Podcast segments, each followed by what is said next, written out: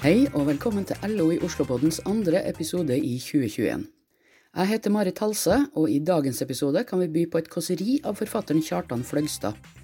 Her snakker Fløgstad om arbeiderklasse, om industri og om Oslo.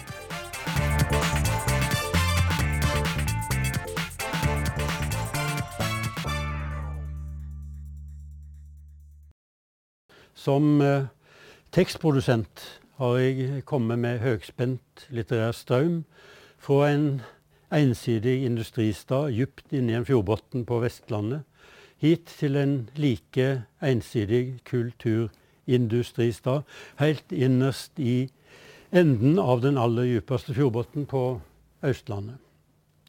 Her finner vi ikke bare hovedstaden, men sentrum for den såkalte Oslofjordhumanismen i form av et lågspent liberalt nå med historieløse kraftlinjer i alle retninger. Og Når jeg sier det slik, så må jeg legge til at det er seriøst meint. Men skulle jeg komme i skade for å underholde noen, så får det prøve å ta det med godt humør. Som du vet, så kommer oslofolk tradisjonelt fra tre kanter. Fra vestkanten, fra østkanten og fra utkanten. En skarp kant som i stigende grad også omfatter utlandet. Av disse tre kantene av byen er det på østkanten de epokegjørende endringene de siste tiåra kommer sterkest til syne. Mens eh, industribyen Oslo blir endevendt og tømt for innhold, står den borgerlige vestkanten uendra igjen. Bydeler som Frogner og Vinneren ser ut som de alltid har gjort. Min del av utkanten var en typisk kraftkommune, der vi vokste opp med 50 perioders industristrøm i heimen, og med såkalla vippe, som mørkla hus og fikk hele NRK til å forstumme når vi skrudde lyden av Stavanger-ensemblet litt for høyt. På den tida måtte vi nøye oss med strøm fra det grå og nitriste kommunale kraftverket, jeg tror til og med at lyset ble grått og sosialistisk når det kom ut av den kommunale kontakten. Men subsidiert var den strømmen nesten gratis, som vi kunne sløse i vei ut fra den forkastelige tanken at når vi som bodde under skyene på den norske regnkysten, hadde fått naturen rundt oss ødelagt av kraftutbygging, så fortjente vi kompensasjon i en eller annen form for å sende høyspent vannkraft og åndskraft til hovedstaden. Vi er altså ikke på den vestafrikanske gullkysten, men på den vestskandinaviske regnkysten. Fulle av høyspent energi stupte glitrende rørgater fra heia ned mot kraftstasjonen innerst i fjordbunnen.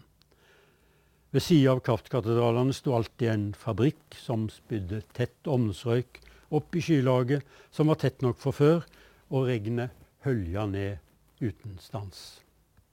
Om jeg ikke minnes feil, så var jeg tolv år gammel da far min tok meg i hånda og ledde meg opp på oversida av røyken og skylaget og viste meg sola for aller første gang. For et blendende og mektig syn det var. Lite ante vi da hva for muligheter vi hadde. Den tanken var fjern. Ja, utenkelig var det at en dag kunne vi få fridom. Fridom til å velge sjøl. Til dømes fridom til å mekle vår egen strøm, slik som i dag. I dag slipper vi å ha kommunale byråkrater som bestemmer hva slags strøm vi skal bruke. Ingen offentlige instanser sosialiserer retten til vi som enskild individ har til å forhandle fram våre egne individuelle kraftsatser. Bare tenk på hva slags muligheter det gir, f.eks. til en forfatter. Så når jeg skal dikte i dag, så bruker jeg vanligvis strøm fra Bjølvefossen eller Ulla Førre på datamaskinen, eller til å surfe på nettet. Men jeg har også lagt til sides noen kilowatt med årgangsstrøm fra AS Saudefallene til bruk for å skildre særlig intime og sentrallyriske forhold. Når jeg derimot skal uttrykke meg mer eh, brautende og høylytt, så henter jeg kraft og styrke fra Bergenshalvøen til Mac-en med lysenergi i leselampa over meg når jeg skal formane noen på bortimot ekte bibeldialekt. Og så bruker jeg vanlig bulk for dansk kålkraft i panelovnen. Og til standard sagprosa, som dette innlegget f.eks., så er Oslo Lysverket eller Viken eller Hafslund mer enn godt nok. Da er vintage årgangskraft langt fra nødvendig. For at en kraftkar skal ha rent samvitt når jeg setter meg til datamaskinen, prøver jeg så sant jeg kan å mekle vindkraft og solenergi til bruk i den daglige dont for å tine kveldspissene osv. Det er det jeg mener er det fine, at nå har vi fridommen og valgmulighetene. Men klart det må koste. Fridommen til å velge og mekle sjøl mellom så mange flotte kraftsatser er selvsagt mye mer verdt enn litt svinging i kraftprisene. Ingenting er bedre mot kulden enn 25 raske armtøyninger, pleier jeg å si til de gamle damene som klager over at de fryser i kulda. For det er ikke bare forfattere som har fått uante muligheter. Det er mange andre fordeler òg. F.eks. så har han blitt kvitt røyken og forurensninga fra stålverka og den uestetiske skipsbygginga midt inne i storbyene våre. Og det er jo en herlig ting. Med den deregulerte kraftforsyninga kan vi nå sende fabrikkene dit de hører hjemme. Til utkanten, til utlandet, til u-landa, til kinesiske gulags og indonesiske og brasilianske sweatshops. Dit pepperen grodde, og der fagforeninger ikke finst.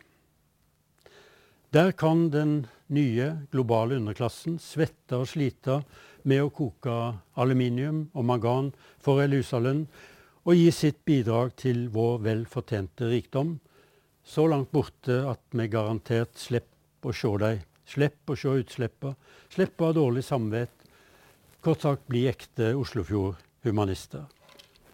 Kan verden ordnes mer forstandig enn dette? Av sine tallrike bøker spør den slovenske filosofen Slavoj Zizek om det ikke er slik at uh, i den ideologiske forståinga til Vesten i dag er arbeid sjøl, manuelt arbeid i motsetning til symbolsk virksomhet, heller enn sex som har blitt usedelig og må skjules for øynene til folk flest. Han legger til at mens seksuelt samvære blir vist på TV i beste sendetid, er manuelt arbeid noe som går føre seg i mørke grotter under jorda, eller på oljeplattformer i Nordsjøen, eller på smelteverk og oppdrettsanlegg langs norskekysten. Så lenge arbeidet er gjemt unna på denne måten, kan vi i de rike storbyene i det rike Vesten bable videre om at arbeiderklassen er borte. Det er bortsett fra når såkalla sinte hvite menn fra arbeiderklassen blir vekk til live igjen for å få skylda for Carl Ivar Hagen, Donald J. Trump og brexit i Storbritannia. Så sent som i 1970 bygde en mannsterk og selvmedviten klasse jernarbeidere fremdeles havgående skip og oljeplattformer på et verft midt i Oslo sentrum. Fram til slutten av 1980-tallet var det stadig fyr under smelteovnene på stålverket til Kristiania Spikerverk i Nydalen. Med nedlegging av eh, Kværner Bruk, senere Kværner Energy AS, i Lodalen 30.6.1999 var det endelig slutt på tungindustri i den gamle industribyen Oslo. Da hadde det gått 146 år siden starten i smia og verkstedet til grunnleggeren Olaf Onsum. Sjefene som til slutt uh, kjørte Kværner i grøfta, fikk uh, astronomiske fallskjermer som etterlønn med seg i fallet. De som hadde skjøtta sitt arbeid i Lodalen, fikk sparken, pluss at de fikk et par kledelige tennissokker og et Terrilén-slips med Kverner-logoen på. Kulturindustrien representert ved Nationaltheatret, sto først i køen av interessenter som ville leie de gamle produksjonslokalene. Sammen med lagnaden til Akersmek og Spikerverket viser dette presist hva endringene dreier seg om. I stedet for skip i uh, tørrdokken blir det nå bygd formuer i finansnæringa på meklerkontorene oppover i etasjene på Aker Brygge. Mens eh, profitten fort får bein å gå på av restaurantliv og luksusvarekonsum nede på bryggeplanet. På mm, tomta til Spikerverket i Nydalen overtok kulturindustrien etter industrikulturen. Den norske bokklubben, TV 2, Riksteatret, Fangen på fortet, Skipsted, Warner Norge, Campus for BI og hovedkontor for PST, ikke minst. I Nydalen og på Myraløkka lønner det seg ikke lenger å smelte jern, men å koke såpeopera i de gamle produksjonslokalene til Spikerverket. Dette betyr at i dag eh, blir tredelinga av byen i østkanten, vestkanten og utkanten oppheva av en annen kant. Sosialt er Oslo ikke lenger en trekant, men har form som en firkant. I det virtuelle samfunnet og i den kulturindustrielle byen gjelder det først og fremst å komme så langt som råd ut på scenekanten. I et samfunn der vi morer oss til døde eller ler oss i hjel, blir scenekanten den viktigste delen av byen. Lykkehjul erstatter tannhjulet som økonomisk drivkraft. Norsk Tipping, Lotto, Oslo Børs Verdipapirer, Stjernekamp, Idol, Skal vi danse, Mestermøte, Tilfelle rår. Trekanten, utkant, østkant og vestkant blir til en firkant, dvs. Si en terning. Oslo blir mer og mer uvirkelig, en slags virtuell by som ikke eksisterer her og nå, men bare i mediene, og der det eneste vi produserer, er ubrukelig informasjon om hverandre. I den virtuelle byen er tallenes tale klinkende klår, utropt som opplagstall i salgsannonsene. Opplagstall blir kvalitetssikra verditale, som måler kommersiell suksess. Rockekonger, kokkekonger og krimdronninger blir det nye aristokratiet. Etter vaktparaden på Slottsplassen blir hitparaden i mediene det ytre målet på popularitet og symbolsk makt. Den kunstnerlige avantgarden avløser Hans Majestet Kongens Garde som livvakt for Majesteten. Fra vaktstua i Slottsparken marsjerer gardistene forbi æresbostaden Grotten over Wergelandsveien til Kunstnernes hus og Litteraturhuset, der de blir avantgardister for den nye musikk- og litteraturinteresserte kronprins og kronprinsessa i kongeriket. Medan ikke vaktparaden, men hitparaden defilerer forbi i synkopert rytme på stereoanlegget. Gullrekka på fredagskvelden avløser kongerekka på Slottsplassen. Utafor dette firkanta bybildet består verden av landet, som betyr badeplasser. Fjellet, som eh, består av jaktterreng og skiføre. Det nå avstengte utlandet Syden, pluss de såkalte distriktene, der folk stadig rotter seg sammen for å skusle bort våre surt opptente subsidiekroner på oljeproduksjon, metallsmelting, fiskeoppdrett og lignende tapsprosjekt. Ene og alene takk være sjenerøse subsidier for de virtuelle verdiene som blir produserte på nettstedene og spalteplassene av oss i den urbane eliten. Utafor denne eliten hender det f.eks. at en fisker la oss si på Byggenes i Finnmark, trenger nytt svinghjul til båtmotoren. For dette hjulet betaler han 12 000 kroner. 1400 av disse går til den tyske fabrikanten. 50% kommer i påslag til den svenske agenten. Og så 9000 til importøren i Oslo, ikke for å finne opp, men for å slite med å omadressere hjulet. Slike enkle eksempel reiser spørsmål om begrep som produktivitet, verdi og arbeid. Er det fiskeren som trang nytt svinghjul i sjarken? Er det den mekaniske verkstedet som lager hjulet? Er det agenten eller er det importøren som er produktiv, verdifull og skaper framtid? I dag tyder mange ting på at svaret er verken eller. I det etterindustrielle samfunnet er det viktigste verken å finne opp eller å bruke eller omadressere hjulet. Det viktigste er å la være å bruke det. Det viktigste er å eksportere bruken av det, altså arbeide med det, til de andre der pepperen gror, slik at bare symbolproduksjonen er igjen hos oss. I de uh, utvikla industrilandene nådde prosentdelen av industriarbeidere i forhold til andre yrkesaktive en historisk topp i 1969 ironisk eh, nok så å si samme årstallet som opplømning av ungdomsopprøret, av arbeiderromantikk og Det nye Venstre. Dette året arbeider 37% av alle yrkesaktive i OECD-området i industrien. Det absolutte tallet på industriarbeidere kulminerte noen år seinere og tok til å gå nedover fra midten av 70-tallet. I Norge var eh, industrien på topp i 1974. Krisetegna i de realsosialistiske planøkonomiene og de sosialdemokratiske blandingsøkonomiene er tydelige fra dette tidspunktet. Mellom 1973 og slutten på 80-tallet falt tallet på ansatte i produksjonen i de gamle industrilandene i Europa med 7 millioner, som tilsvarer om lag en fjerdedel av arbeidsstokken.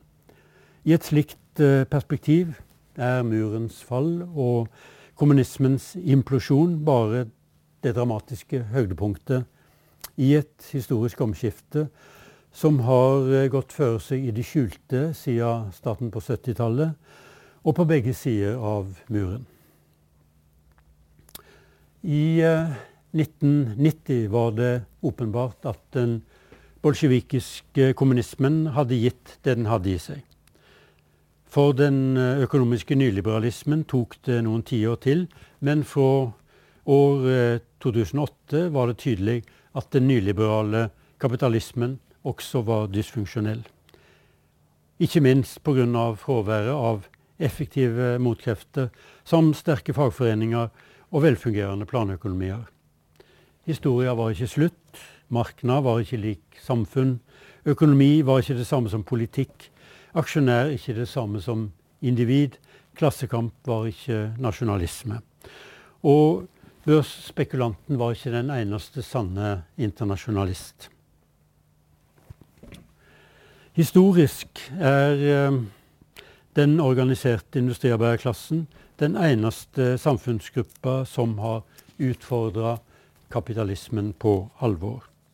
Uten en organisert arbeiderklasse blir de fattige fattigere og de rike skamløst rikere.